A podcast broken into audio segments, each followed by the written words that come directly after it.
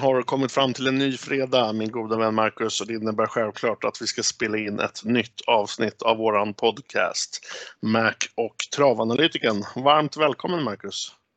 Tack ska du ha travanalytikern! Hur är läget? Jo, det är bra. Det är bra.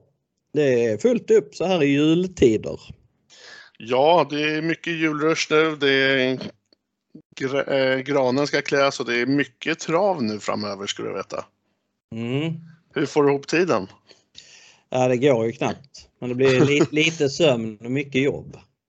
Så är det ju. Eh, vi ska gå igenom V75 här som ska avgöras på min favoritbana Romme och sedan efter det så är det ju i stort sett V75 eh, och V86 nästan varje dag känns det ju som där.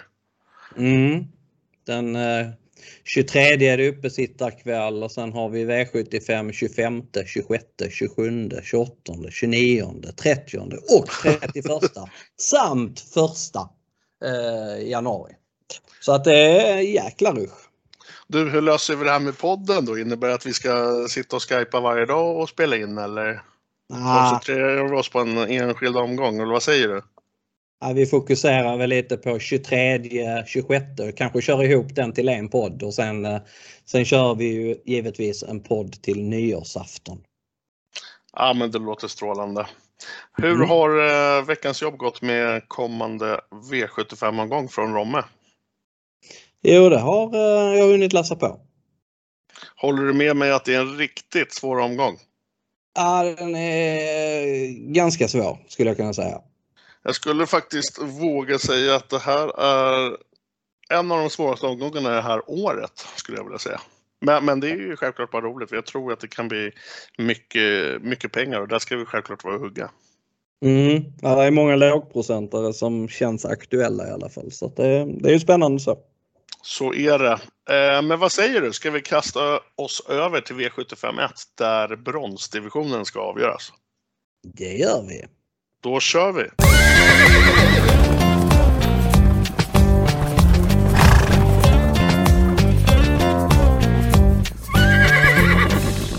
Jag tycker som sagt att vi har en riktigt svår omgång här på V75 som ska avgöras på Romme.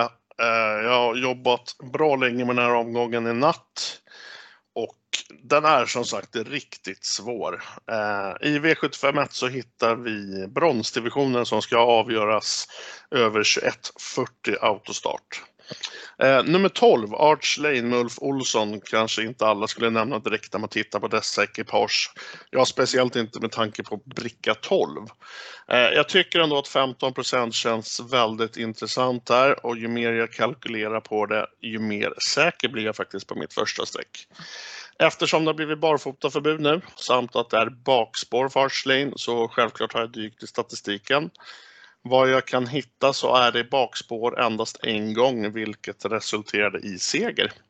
Eh, 14 starter eh, har den med skor runt om. Facit lyder 8 segrar samt flera pallplatser. Förutom detta så ska ni veta att Arch Lane för första gången nu på lördag kommer starta med jänkarvagn. Det är helt klart intressant. Eh, jag tror väl även och hoppas att strecken på ehm, Four Guy Stream, alltså nummer tre, kommer att öka och det gör även att mitt räknande på det hela blir enklare. Eh, tittar vi på Romme så mäter ju upploppet fina 205 meter, vilket är bra när man ska bjudas in till spurt från, från bakspår. Eh, tittar vi där bakom så är det nummer sju GK Justus samt självklart då nummer tre Four Guys Dream tidiga. Ska jag lyfta någon skräll så hamnar jag då på nummer åtta Don't Be Weak med Petter Lundberg i sulken. 4% här tycker jag är klart intressant. Tittar man i lopparkivet på avslutningen när hästen har gått eh, har de sett riktigt schyssta ut och den har ju även eh, varit i mål med sparat. Eh, där passar jag över till dig Marcus. Mm. Där tog du mitt drag. Don't be weak. Det är, jag ska inte säga att det är min första häst i loppet men eh, den är väldigt, väldigt tidig för mig. Eh, han, gick, han har radat upp bra insatser utan att få vinna på, på slutet och gick bra med skor förra gången. Jag tyckte att avslutningen då var eh, väl så bra som när han har gått barfota. Jag hade 11 sista fyra och det var med bra klipp i steget över mål. Så att han tycker jag är jättetidig och ett givet streck på, eh, ja, jag kommer att sträcka honom på samtliga mina system i alla fall.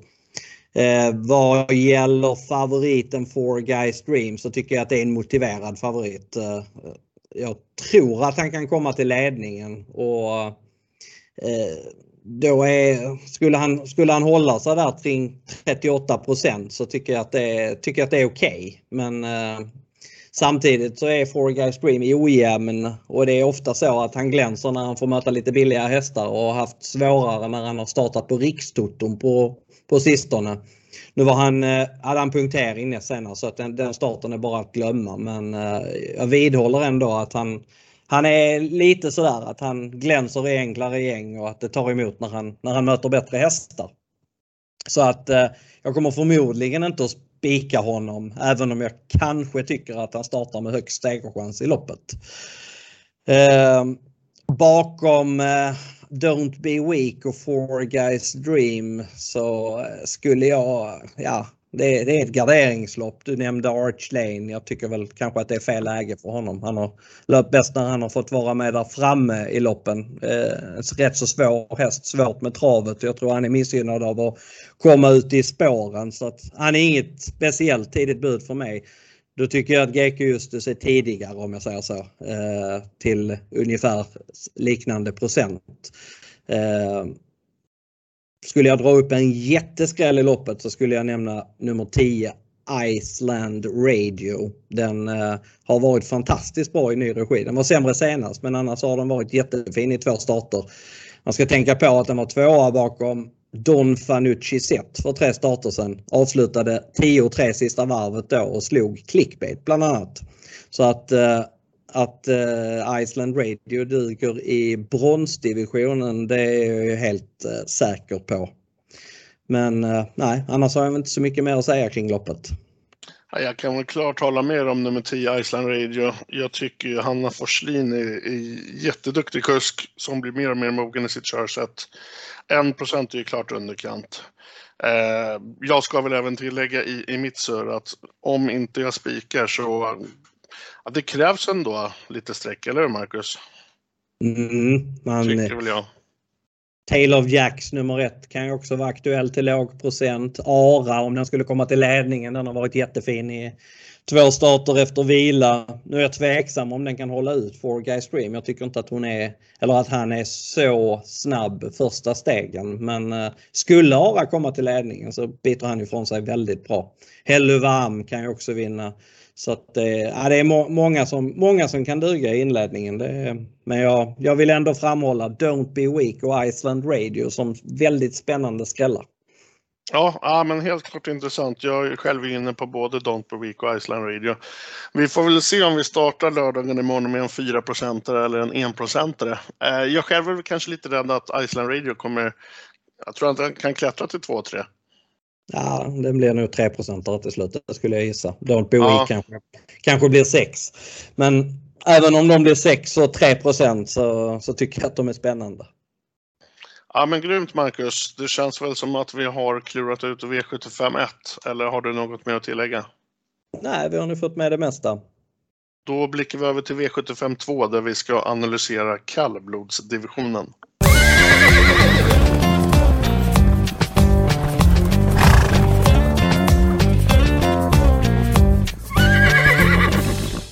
V75 2 blickar vi över till på Romme. Det är kallblodsdivisionen. Det är 2140 voltstart med två stycken tilläggsvolter. Han har blivit favorit igen, eh, det vill säga nummer 6, Technojärvin. Vann ju senast trots galopp i ledningen. Tappade, kom tillbaka, vann. Eh, gjorde en riktigt bra insats. Eh, denna häst är ju sjukt bra kapacitetmässigt, det vet vi båda, men jag tycker ju även att den är minst lika svår att, att räkna på då den är, vad ska man säga, den är ju väldigt hetsig, den hoppar ofta, den har ett jäkla humör helt enkelt. Eh, jag tyckte att det var en bra spik förra lördagen av folk som spikade den. Just på grund av det jag beskriver. Och, och jag står även för samma inför imorgon. Att spika, att spika en sån tycker jag är ren chansning. Eh, kollar jag på det här loppet, ju mer och mer jag kollar på det, tycker det luktar skräll. Och uh, mitt tips blir att betala av. Precis som jag tipsade och skrek om i V757 förra lördagen i podcasten så, uh, nej, jag tycker man ska betala av här.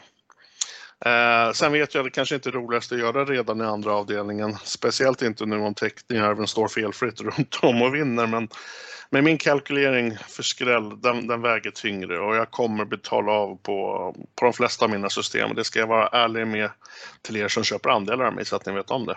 Är, så att här blir det sträcka av för mig, Marcus. Mm. Du har ingen skräll du vill framhålla?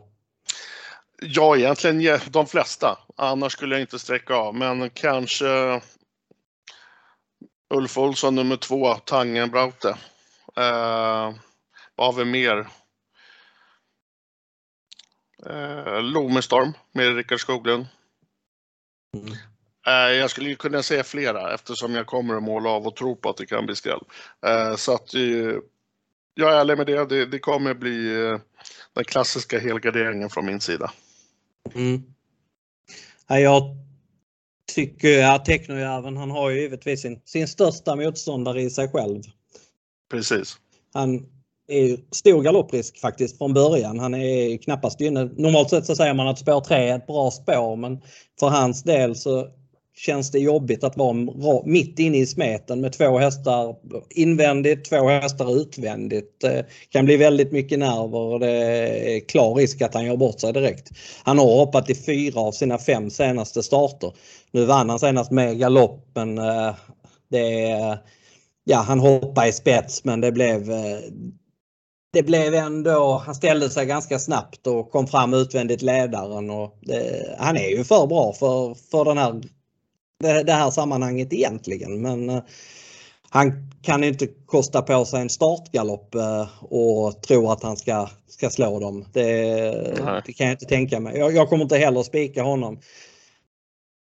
Eh, jag kanske inte kommer gardera lika brett som du men jag tycker att det är jag skulle vilja säga att Belfax är väl ändå första häst.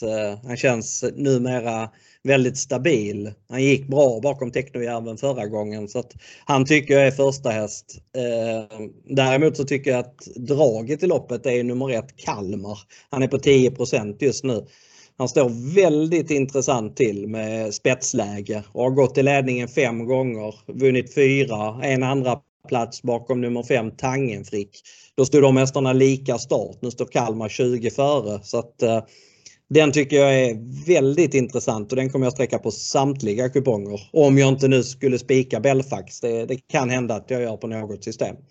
Okay. Eh, vad gäller skrällarna, Tangenbraute, det nämnde du. Första Olsson på den. Det är spännande. Han var sjuk förra gången.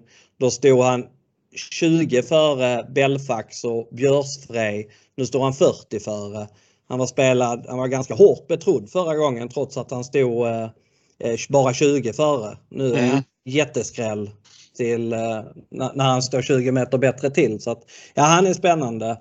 Eh, Tangenfrick, den var ju faktiskt jämspelad med Technojärven och Belfax förra gången de möttes. Nu är han 7 så att eh, han var slagen med 20 meter den gången men fick köra väldigt fort eh, mellanvarvet den gången. Det gick 22,5 så att han var lite ursäktad. Han kan ju också duga. Eh, sen eh, är det Björsfrej. Han var 1 är han på. Han, han var trots allt tvåa i SM i somras eh, bakom Månlycke AM. Så att eh, han står sig väl mot de här hästarna. Han skulle kunna vara en megaskräll. Vad gäller Tangenhop som är hårt betrodd så har jag faktiskt ingen jättefeeling. Han eh, var sjuk i sin förra start, fick stå över tre veckor kommer tillbaka efter uppehåll, brukar behöva lopp. Skor runt om känns iskallt. Han, han startade med skor tre gånger förra vintern. Hade, fick raden 074 då så att han är ju klart bättre barfota så att uh, han tycker jag är lite, lite skattebetalare i loppet faktiskt. Jag håller med om Tangenhop. Jag satt och kollade på den ganska mycket i natt. Uh, det enda jag kan konstatera det är väl att den drar inte nytta direkt av ett skovförbud utan det är klar, en klar nackdel. Björsfrej, den är ju rolig till 1 som du nämner och, och som du nämner den var tvåa i somras men som vi brukar vara inne på, folk glömmer väldigt lätt. Och mm. 1 blir, kan bli lite mumma där. Och, men jag står väl för att skrälldraget i det här loppet är Tange Brauter som nu har står 20 meter bättre till än och Ulf Olsson, det är ju klart intressant tycker jag där. Mm. Ja, jag tycker uh, draget är Kalmar. Det, det vill jag säga. Ja, Kalmar tror jag mycket på. Nu tänker jag mer på de här jätteskallarna, men 10% på Kalmar är, är, det kan också vara väldigt fint. Den, den kan absolut vinna. Precis. Eh, jag avrundar V75 2 med att jag är ärlig med att jag, på de, inte på alla kuponger, men på de flesta så kommer jag dra en hel gardering. Eh, och Marcus har gett några fina varningsdrag här för er. Har du något mer att tillägga Marcus? Nej, det Då, har jag inte. Ja men kanon. Då blickar vi över till V75 3 där det är ett klass 2-försök.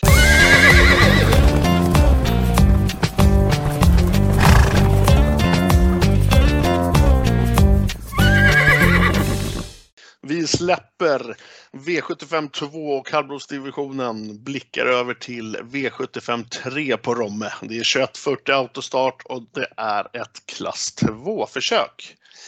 Jag har ju varit inne på det här några gånger. Det är en riktigt svår omgång totalt sett här på V75 Romme och V75 3 tycker jag är jätteklurigt att bena ut även där. Som det ser ut just nu, vi spelar in podden idag, det är fredag, det är förmiddag, klockan är ungefär 11. Eh, när vi spelar in där så är nummer 9, Underbar och så fin med Henrik Svensson, just nu mitt första val. Eh, det är en vinnarskalle, 5 av 10. Eh, nu är det som sagt skoförbud, men den har tagit alla sina segrar med just skor på. Så där hittar vi inget Eh, och kalkylera negativt på.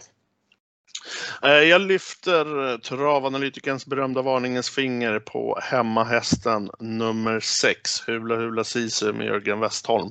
Hästen är betydligt bättre tror jag än vad kollektivet tror. Och det har varit mycket spår 1, det har varit mycket bakspår. Nu tror jag man får ett mer passande läge och ska nog kunna trycka av en bra spurt till slut. Prisvärt till 4% i detta sammanhang, säger jag Marcus. Mm. Hula Hula Sisu, ja det är mitt klara första streck i loppet faktiskt. Den kommer okay. jag spika på, på, på, några system. Ja.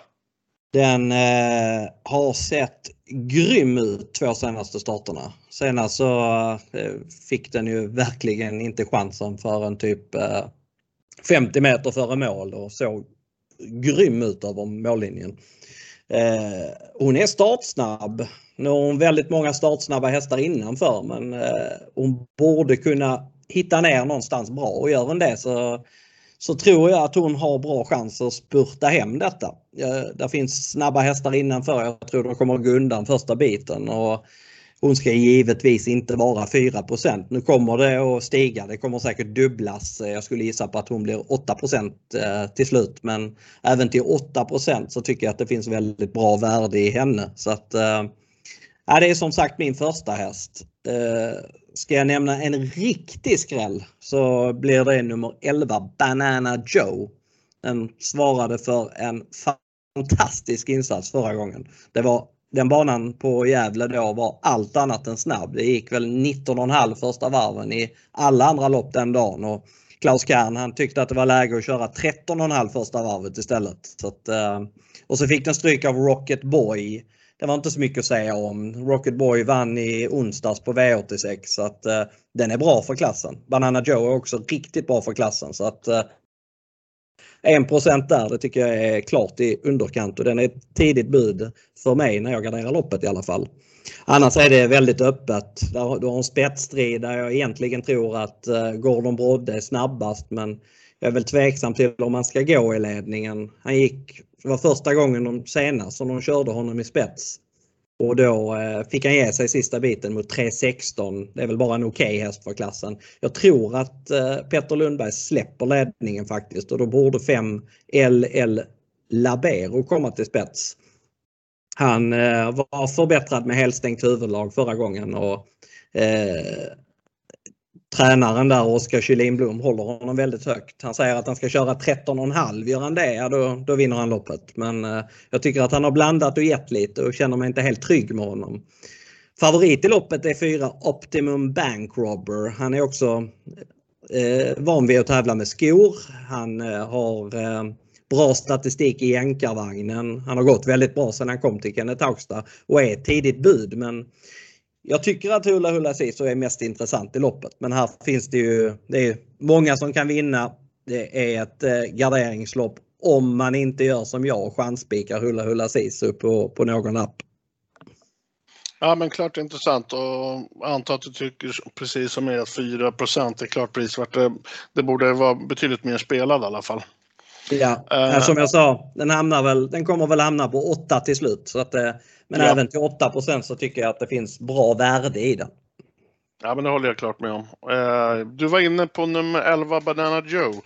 Har jag gjort en anteckning om att jag ska spela plats på. Mm. Uh, kollar du på plats så har den 80, är den där i 82 procent. Mm. 11 starter, 2 vinster, 6 andra placeringar och en tredje. Så det rekommenderar jag ett platsspel på. Angående spelutvecklingen där, Marcus. 1 får det stå sig? Ja, det kanske blir två till slut då. Men jag tror inte att den kommer gå upp sådär jättemycket. Det låter inte sådär sexigt med spår 11 och Klaus Kern på V75. Det är inte så att, eh, att spelarna kastar sig över eh, en sådan häst. Men eh, han är bra, det måste jag säga. Jag tycker att han har gjort väldigt många bra lopp. Så att eh, jag tycker att han gick, han gick bland annat 13 och 9 full väg från dödens för fyra starter sen. Så att, att han duger i klassen, ja det är, det är inget att snacka om. Ja, eh, skrikhästen för din och min del blir väl eh, nummer 6 Hula Sisu. Eh, annars är det väl egentligen ganska öppet, men, men jag lägger mitt första streck. Jag har två hästar i A-gruppen som det är just nu då. Det är nummer 9 Underbara Sofin och nummer 6 som sagt Hula Hula Sisu. Marcus varnar för nummer 11 Banana Joe där jag även rekommenderar ett platsspel. Eh, har vi något mer att ta upp i V75 3, Marcus? Nej, vi har väl tagit det mesta viktiga. Det, det är klart att det är hästar som vi inte har nämnt som kan vinna men eh, det är som sagt, vi sa att det var ett garderingslopp, det är ett garderingslopp så att det, är, det är bara att gå vidare till V75 4. Det gör vi. Då, då i V75 4 vill jag redan nu varna vi har väl kanske svåraste loppet att bena ut. eh, ja, men då blickar vi över dit, Marcus.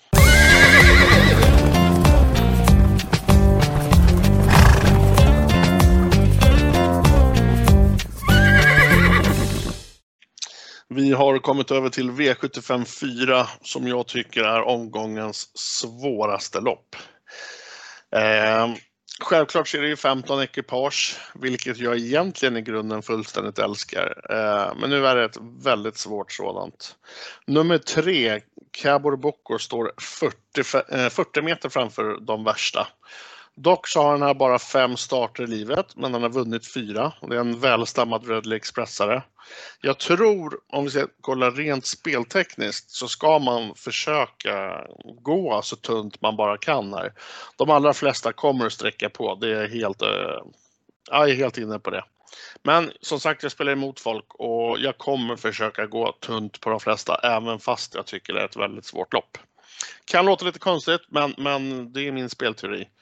Sist i sånt här lopp så trodde vi att nummer 15 nu då, Unique Uni, skulle ta in 40 meter. Jag tror vi sa att det skulle krävas en 12,5 tid. Jag tror den slutade på 12,6 eller om det var något liknande. Dock var den här starten precis innan barfotaförbudet kom. Eh, den segrade såg, såg ruggig ut. Eh, men ska vi kolla lopparkivet nu så finns det inte mycket starter på Unique Uni med just skor runt om. Dock vet jag att kapaciteten självklart verkligen finns där och det gäller väl samma med nummer 14 Activated. Dessa två blir tidiga för mig tillsammans då med nummer 3 Cabro Eh, dock ska jag tillägga, jag kommer fortsätta med det här loppet efter vi har spelat in podden. Eh, det krävs mer tid som sagt. Eh, så jag får helt enkelt se imorgon hur tunt jag kan bena ut detta. Marcus, du får ta över min goda vän. Mm, vad gäller Unique Juni, den är väl ja, den är favorit just nu.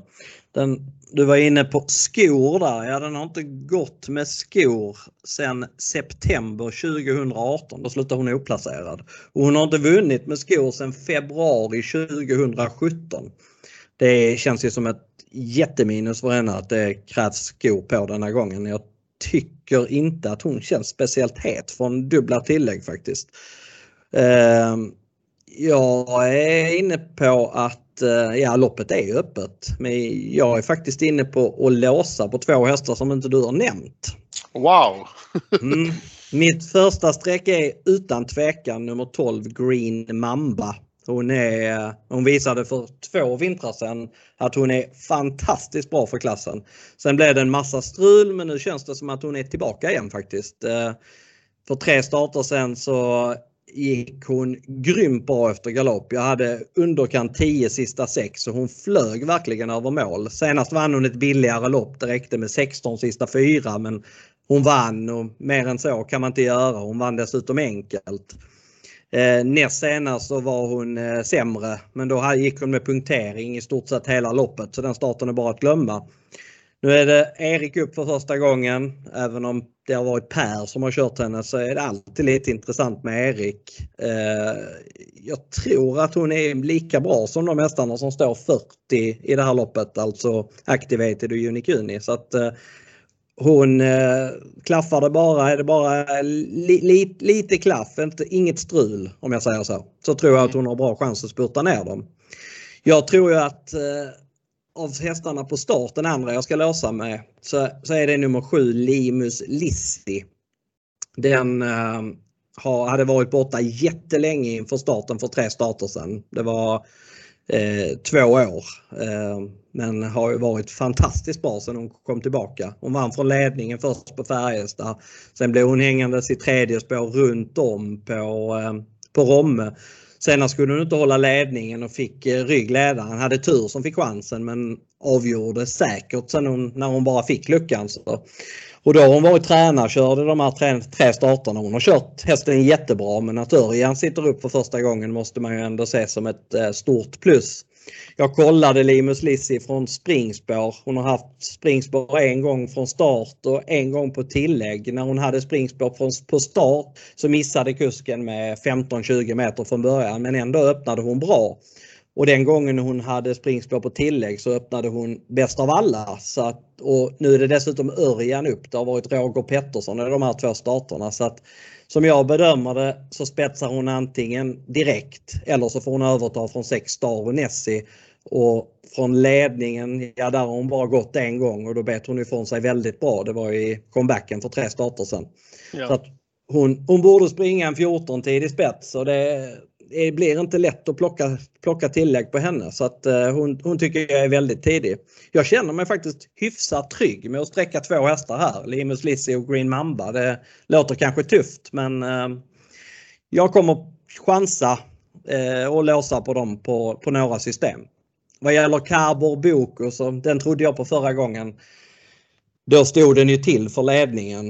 Eh, den var inte alls startsnabb. Den spetsade mer på att eh, Jeppson inte ville ha spets med Nicki Minaj. Eh, jag tror inte att Cabo Boko spetsar här mot snabba springspårshästar och han har tagit, eller hon har tagit tre av sina fyra segrar från spets och är säkert jättegynnad av att gå i den positionen. Skulle jag dra upp något annat, vill man sträcka fler hästar än 7 och 12 så, så är det väl i så fall nummer två Isola Silvåkra som är tidig. Eh, kanske även nummer 9 Loaded Leila men som sagt jag löser på två hästar här på, på flera system. kommer, du, kommer du, eh, förutom de systemen där du låser, kommer du gå brett på något och kommer du kanske spika något om du får prata ut till dina andelsköpare? Jag spia, skulle jag spika så skulle det i så fall vara Green Mamba men eh, jag tycker att Limus Lissi är så pass intressant så jag kommer vilja ha med henne på i stort sett alla system eller kanske till och med alla system. Så att, eh, men visst kommer jag gardera brett på någon lapp. Det kommer jag göra. Det är, det är få hästar som man skulle bedöma som helt chanslösa. Jag tror väl inte att eh, fyra Pretty Primadonna, fem Annie Flame Eh, 10 Önas by, 11 Favorite Picture. De fyra har jag väl lite svårt att se vinna men övriga skulle kunna vinna. Ja, eh, som sagt, V75 4. Ett väldigt svårt lopp där, eh, där du låser och där jag inte ens har med dem. Eh, men som sagt, det ska ägnas mer tid åt det här loppet. Det är ett svårt sådant och det här loppet krävs mest tid. Så är det bara, det går inte att komma ifrån. Eh, har vi något mer att ta upp i V754 som du tycker Nej, är glömt? vi är nog rätt färdiga där va? Det känns så. Vi Mm. blickar över till V75 5.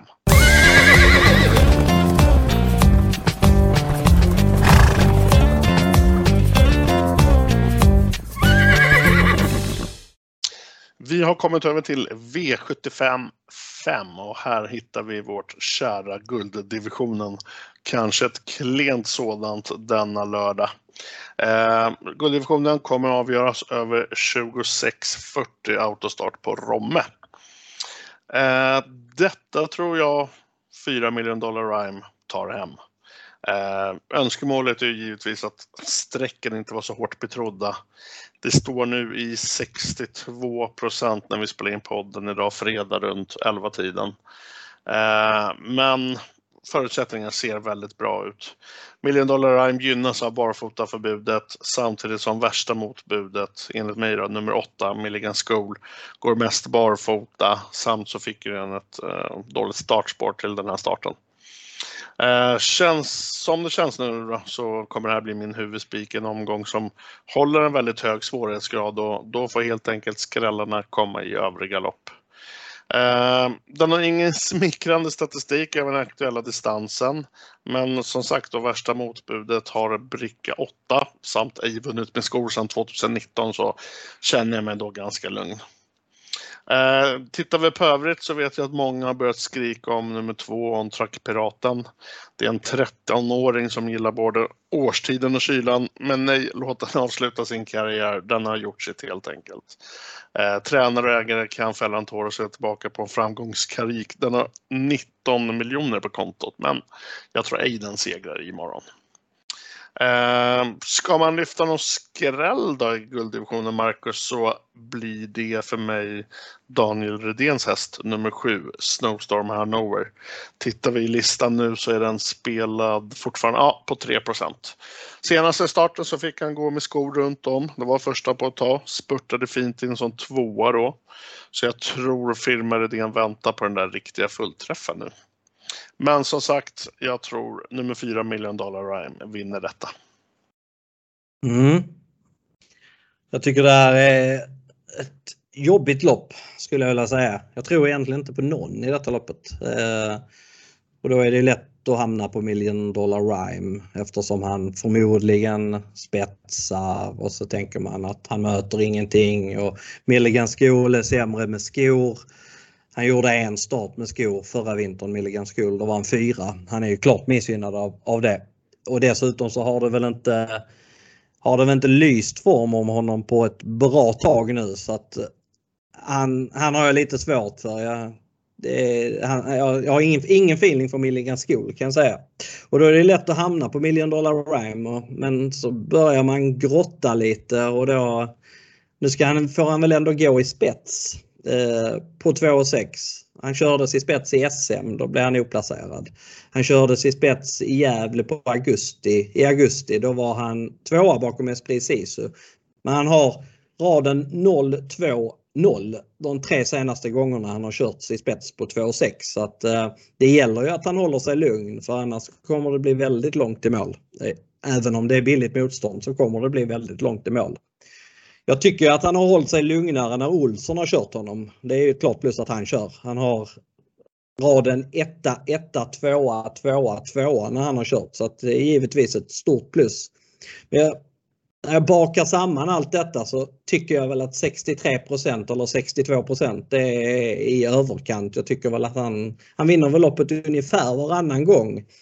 Skulle det sjunka så skulle, kommer jag spika honom på, på några system men jag är väl inte riktigt, håller väl inte riktigt med dig när det gäller om trackpiraten. Han må vara 13 år men han agerar inte som en 13-åring. Jag tycker att han gick eh, väldigt bra förra gången i guld faktiskt bakom Selmer EH och Spickleback Face.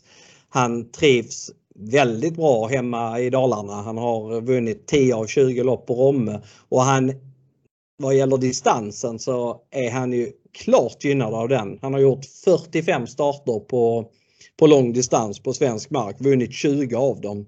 Han är startsnabb faktiskt. Han skulle kunna få ryggen på Million Dollar Rhyme eller ledningen om nu inte Million Dollar Rhyme körs i spets. Och skulle On Track-piraten få spets eh, så kan det bli väldigt billigt i ledningen. Så att jag tycker att eh, On Track-piraten är klar andra häst i, i loppet faktiskt.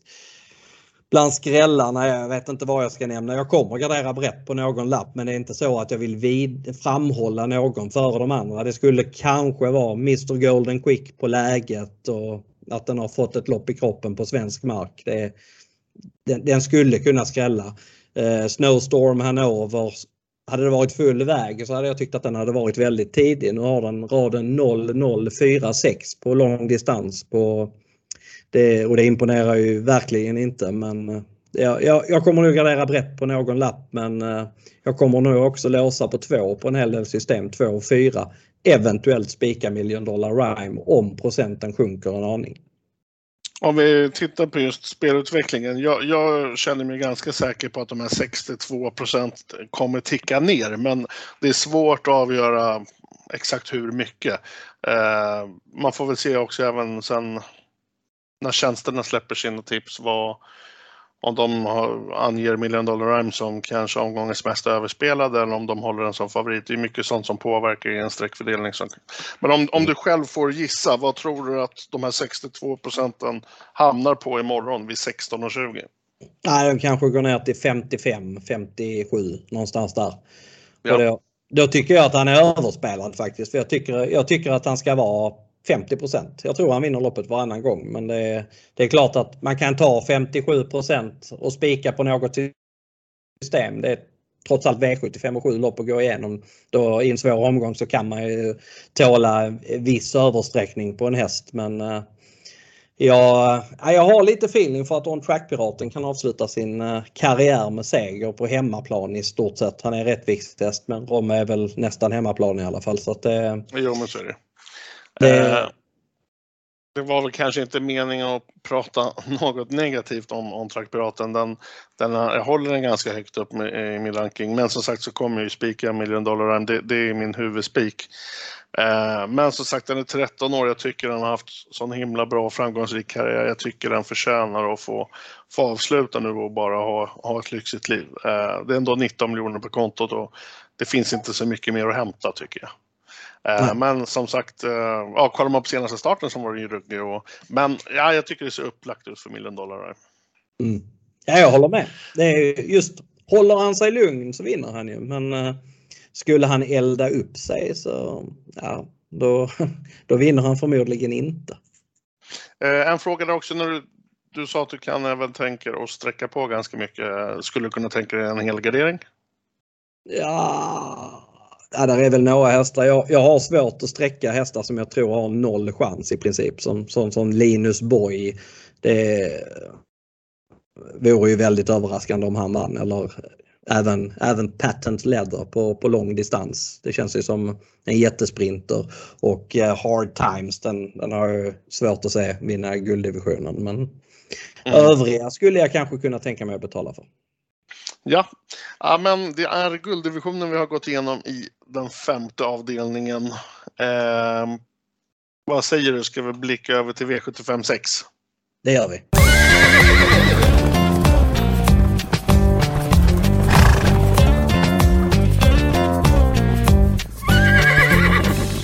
I V75 6 på Romme så hittar vi ett klass 1-försök som mäter 26.40 och här avgörs det i voltstart.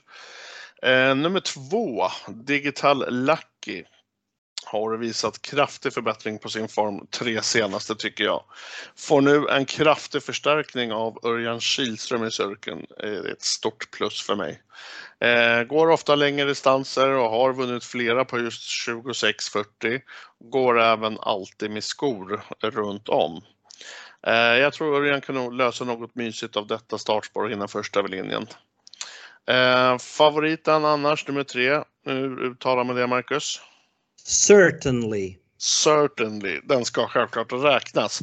Det är en bra häst i grunden, helt klart, som kanske inte har fått den utdelning man hoppas på. Kommer nu i alla fall med en seger från ett billigt lopp och ja, eh, den, den eh, ska självklart ses med chans. Men jag tycker två Digital Lucky har en bättre chans. Eh, ska jag varna för en skräll i detta sammanhang så blir nummer fyra Ready Trophy med Jorma Kontio till 4% Det är en välstammad Ready Cashare, fin styrka. Ja, det skulle nog kunna sega till 4% Det tycker jag är prisvärt. Eh, ja, jag väljer att passa över till dig där. Mm. Vad gäller Ready Trophy så tycker jag också att det är en av de mest intressanta skrällarna i loppet. Han eh, är otroligt seg alltså men eh, han var mindre seg förra gången så det känns som att han är på väg att vakna till. Han visade ju väldigt hög kapacitet förra året när han eh, vann på V75 och var eh, trea i finska derbykvalen. Gick då utvändigt om Mascate Match och var inte speciellt stort slagen så att eh, han eh, har väldigt hög grundkapacitet. Öppnade stabilt från ett fjärde spår eh, för Björn en gång. Jag tror han kan komma iväg ganska bra. Så att han är tidig om jag garderar loppet. Men jag kommer att spika här på väldigt många system. Och det är nummer tre Certainly. Förutsatt att procenten inte går upp väldigt mycket. Han är ruskigt bra för klassen. Han är, det säger Marcus B. Svedberg, han har haft honom nu i fem, sex starter och han säger det att det här är en av stallets bästa hästar och jag förstår honom. Han visade otroligt hög kapacitet även hos Jimmy Ehlers när han var där tidigare. Han vann med skor senast. Han såg väl inte hundra ut i stilen då men han gick med järnskor då. Han kommer lätta honom nu. Han eh, öppnade bra, eller stabilt i alla fall, på Jägersro från spår 4 på tillägg för eh, fem starter sedan. Och som jag läser loppet så är det bra chans att han körs till tidig ledning här. Och sen blir han väldigt svårslagen. Eh, nu har jag väl lite känsla för att han kommer gå upp i procent snarare än gå ner. Så att eh, han kanske blir sträckad runt eh, 45% men jag tycker att det är det speglar eh, chanserna ganska väl. Jag tror han vinner det här loppet drygt hälften faktiskt. Så att, eh, han, eh, han kommer jag spika. Ska jag nämna en skräll eh, förutom Ready Trophy så är det nummer ett def Definitiv. Han är på 1 just nu. Det är ju alldeles för lite kan jag säga. Han är snabb ut i voltstart. Han är klart gynnad av den startmetoden. Han hade springspår på Åmål i somras och då pep han iväg väldigt bra första biten. Jag tror att han kan få ett bra lopp här i, säg ryggledaren och med lucka så är han definitivt inte sämre än någon av de här hästarna. Så att eh, 4 och 1 är bra skrällar men jag kommer spika 3 på de flesta systemen faktiskt. Ja, eh, jag själv har ju 2-3 A-gruppen och sedan lyder min grupp 4-1. Så det var kul att du nämnde Defs definitiv. Eh, det jag tänkte, eller när jag satt och höll på med det här loppet förut, så eh, på något sätt känns det som att procenten på Certainly kommer gå upp ganska mycket. Och Ja, det räcker väl egentligen med att två tipstjänster också kommer att ge den här som omgångens bästa spik så är inte jag förvånad om det typ stiger upp till 48, nästan 50 procent. Skulle det kunna vara möjligt tror du? Ja, det skulle vara möjligt. Men det är som sagt, jag tycker det är motiverat också. Jag tror ja, ja men köper jag att du tycker. Mm. Uh, jag väljer att spela Digital Lucky just, ja, 20% tycker jag är lite klent och det, jag är inte förvånad om det kanske krymper något också. Uh, men som sagt, trean är, det är en, ruggigt, en ruggig häst kapacitetmässigt som bara väntar på den där utdelningen med vinster så det kommer ju till slut. Så jag köper det du säger. Mm som sagt, fyra Ready Trophy tror vi båda på. 4% är klart underkant och speciellt 1 på def definitivt. Så där har ni lite mysiga skräll, skrällvarningar också ifall ni inte spikar. Eh, har vi något mer att tillägga? Uh, nah. Det skulle vara nummer 12 Ribå. Den var trots allt V75 favorit förra gången. Då var den, stod den i 2,57 i odds mot Digital Eye som vann loppet. Eh, eh, den stod i 4,87 Digital Eye. Nu är Ribå 1% och Digital Eye 16. Det svänger fort. Det, Ribå gick upp till 2 nu såg jag men den är, ja. den är typ 1-2 procent. Men det, det är för lite såklart. Men Därmed inte sagt att jag har, förstår hur det ska gå till för att den ska vinna men den är, den är, man tyckte efter första starten när den fick stryk av behind bars att den här kan vara en spännande häst hos bärgaren och nu är den helt bortglömd. Så att, eh, den kan man ju också tänka på om man garderar loppet i alla fall. Ja, ja men där fick ni en skräll till. Så uh, där släpper vi V75 6 och går över till V75 7 där silverdivisionen ska avgöras.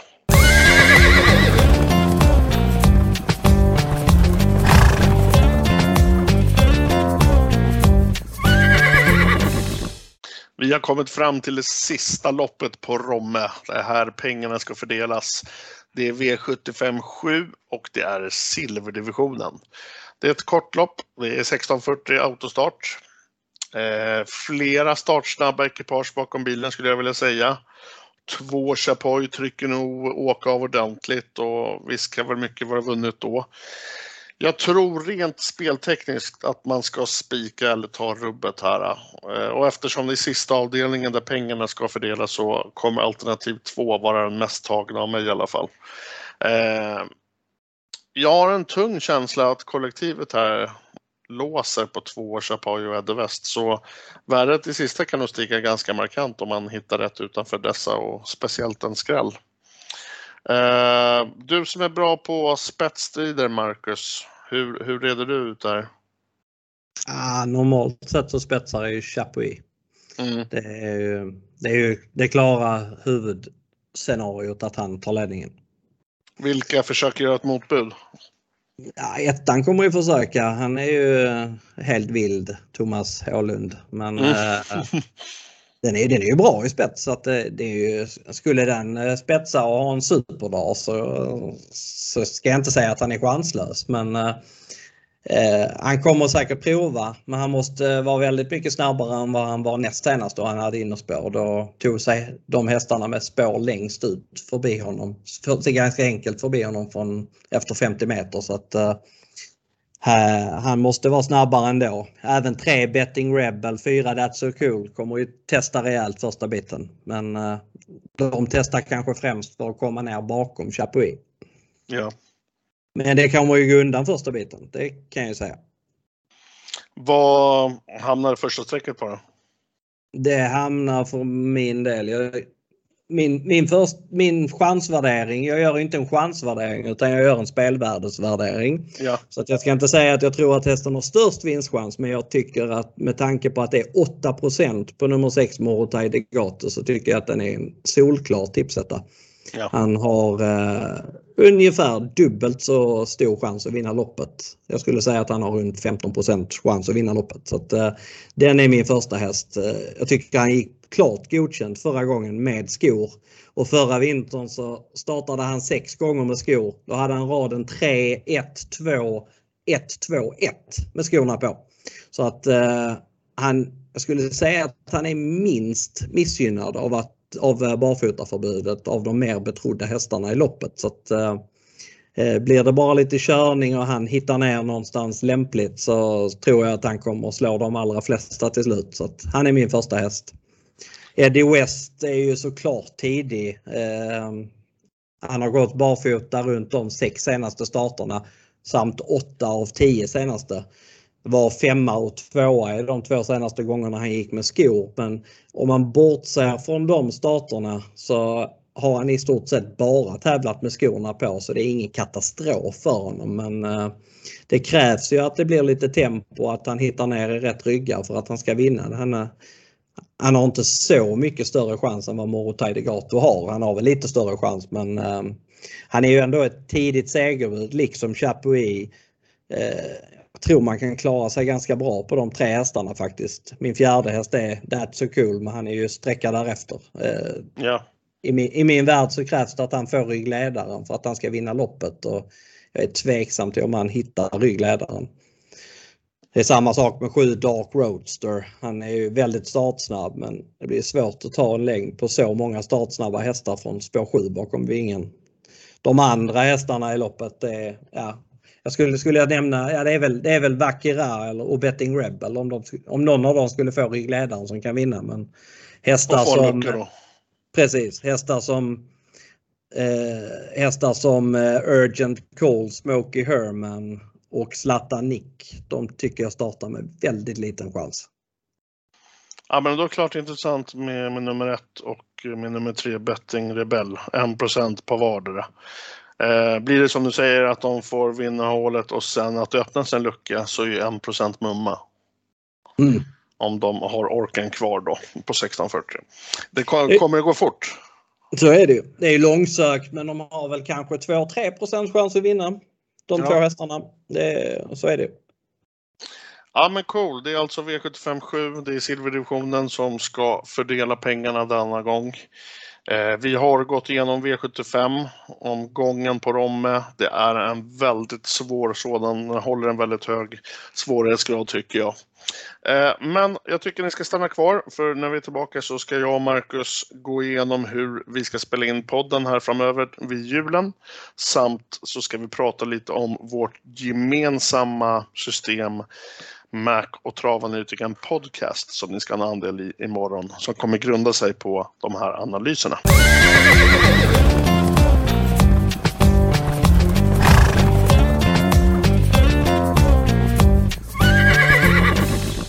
Marcus, vi har en häftig V75-omgång imorgon på Romme. Jag tror på att 7 kommer ge 1,2 miljoner. Vad säger du? Eh, jag säger inte emot. Det kommer nog bli bra utdelning. Eh, ja. eh, jag och Marcus kommer att spela ett system som heter Mac och travanalytiken Podcast. Den har ett andelspris på 333 kronor och säljs i 15 andelar. Eh, först till kvarn är det som gäller. In och köpa en andel. Det är som sagt en hög svårighetsgrad. Jag och Mac kommer vara extremt pålästa. Och vi är riktigt taggade just den här lördagen att göra det här systemet ihop. Eh, det kan vara bra att ha varandra när det är en sån här svår omgång och, och ge varandra lite skrälldrag och, och mysiga hästar. Så in och köp en andel i Mac och Travanalytiken Podcast. Eh, Marcus, jag tänkte vi ska prata lite om när vi ska spela in nästa avsnitt. Mm, det är mycket vägsjö nu. Ja, eftersom det är mycket där runt jul. Vi kommer ju självklart inte hinna ta allt. Men jag säger så här att vi släpper nästa avsnitt på morgonen den 23. Och där kommer ni lyssnare ha ett fullt eh, avsnitt inför uppesittarkvällen. Men vi kommer även lite snabbt gå igenom eh, V75 som avgörs på Solvalla den 26, det vill säga finalerna där. Så att det blir ett litet dubbelavsnitt. Eh, som sagt, den 23 släpper vi det avsnittet. Mm. Eh, nej, men annars Marcus, har du något annat att, som du vill tillägga eller prata ut om? Ja, sen släpper vi givetvis ett avsnitt till nyårsafton. Det kommer vi självklart göra. Det avsnittet kommer vi släppa dagen innan så ni har god tid att lyssna inför nyårsafton. Mm. Eh, hur ser helgen ut då Marcus? Ska du göra något roligt? Ja, ikväll blir det Köpenhamn och handla lite julklappar. Ja, vad mysigt. Åker du med chefen eller? Ja, chefen åker med. Chefen och sen ja, det lär, vara, det lär vara mycket på listorna som ska inhandlas. Jag har eh, en rätt så blank lista faktiskt. Det är, jag är mer spontanköper. Men då, då nu när du ska julklappshandla så jag mässar dig sen då vad jag önskar mig. Ja, det tycker jag att du ska göra. Jag ska ja. köpa lite på din lista. Ja, det är bra. Mm. Nej, men Marcus, då skulle jag vilja önska dig en eh, trevlig helg och lycka till på spelet imorgon och självklart detsamma till er lyssnare så är vi tillbaks nästa vecka igen.